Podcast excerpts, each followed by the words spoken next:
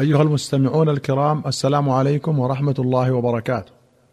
باب التوحيد. أخرج مسلم عن معاوية بن الحكم السلمي رضي الله عنه قال كانت لي جارية ترعى غنما لي قبل أحد والجوانية فاطلعت ذات يوم فإذا الذئب قد ذهب بشاة من غنمها وأنا رجل من بني آدم آسف كما يأسفون لكني صككتها صكة فأتيت رسول الله صلى الله عليه وسلم فعظم ذلك علي. قلت يا رسول الله أفلا أعتقها؟ قال أتني بها. فأتيته بها فقال لها أين الله؟ قالت في السماء. قال من أنا؟ قالت أنت رسول الله. قال أعتقها فإنها مؤمنة. وأخرج البخاري ومسلم عن أبي هريرة أن رسول الله صلى الله عليه وسلم قال إن لله تسعة وتسعين اسما مائه إلا واحدا. من حفظها وفي رواية من أحصاها دخل الجنة. والله وتر يحب الوتر. وأخرج مسلم عن أبي موسى الأشعري قال قام فينا رسول الله صلى الله عليه وسلم بخمس كلمات. فقال إن الله لا ينام ولا ينبغي له أن ينام. يخفض القسط ويرفعه. يرفع إليه عمل الليل قبل عمل النهار وعمل النهار قبل عمل الليل.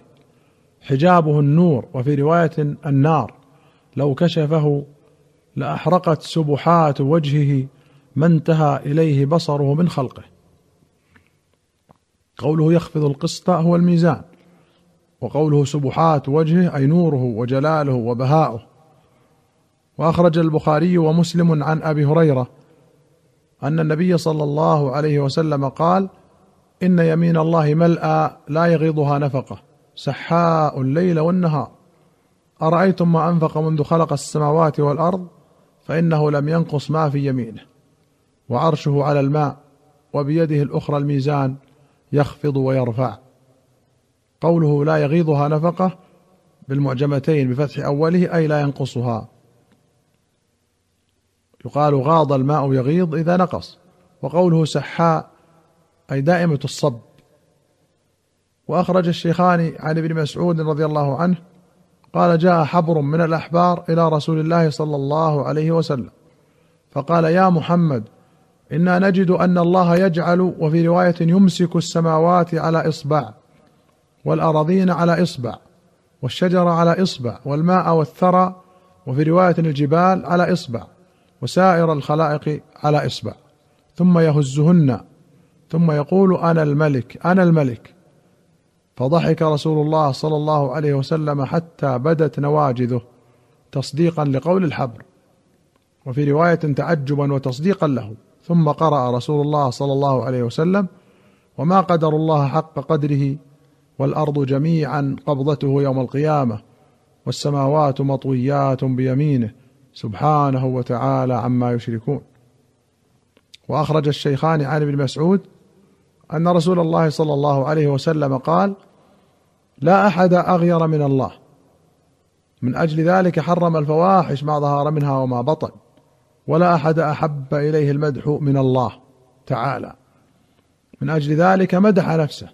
وليس أحد أحب إليه العذر من الله. من أجل ذلك أنزل الكتاب وأرسل الرسل.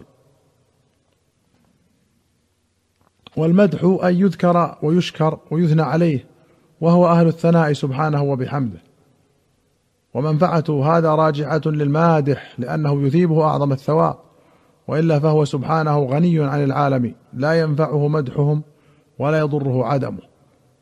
والعذر قيل معناه الاعتذار والتوبة أي اعتذار العبد من تقصيره وتوبته من ذنوبه فيغفر الله له.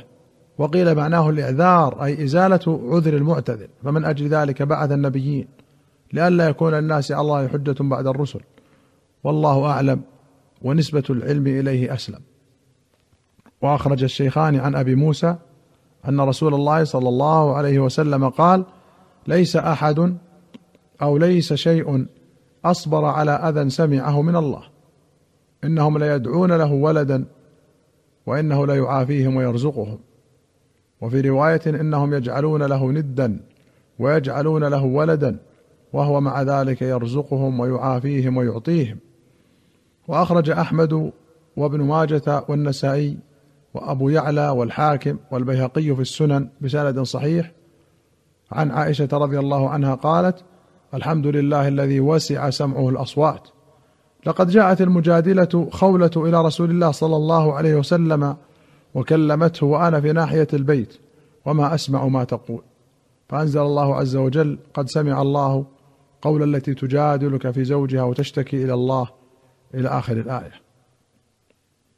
وخوله المجادلة هي خوله بنت ثعلبة وزوجها أوس بن الصامت من أهل بدر هو أخو عبادة بن الصامت. والحديث أخرجه البخاري معلقا. وأخرج مسلم عن أبي سعيد وأبي هريرة رضي الله عنهما قال قال رسول الله صلى الله عليه وسلم العز إزاره. والكبرياء رداؤه فمن ينازعني عذبته. قال النووي هكذا هو في جميع النسخ. فالضمير في إزاره وردائه عائد إلى الله تعالى للعلم به. وفيه محذوف تقديره قال الله تعالى فمن ينازعني عذبته. وأخرج البخاري عن أبي سعيد قال سمعت رسول الله صلى الله عليه وسلم يقول يكشف ربنا عن ساقه فيسجد له كل مؤمن ومؤمنة. ويبقى من كان يسجد في الدنيا رياء وسمعة فيذهب ليسجد فيعود ظهره طبقا واحدا. وسيأتي الحديث بطوله في باب الحشر والحساب والشفاعة. وأخرج مسلم عن أبي ذر قال سألت رسول الله صلى الله عليه وسلم هل رأيت ربك؟ قال نور أن أراه. وأخرج البخاري ومسلم عن مسروق بن الأجدع قال كنت متكئا عند عائشة فقالت يا أبا عائشة ثلاث من تكلم بواحدة منهن فقد أعظم على الله الفريه قلت ما هن؟ قالت من يزعم أن محمدا رأى ربه فقد أعظم على الله الفريه قال وكنت متكئا فجلست. فقلت يا أم المؤمنين أنظريني ولا تعجليني. ألم يقل الله عز وجل ولقد رآه بالأفق المبين؟ ولقد رآه نزلة أخرى فقالت أنا أول هذه الأمة سأل عن ذلك رسول الله صلى الله عليه وسلم. فقال انما هو جبريل؟ لم أره على صورته التي خلق عليها غير هاتين المرتين.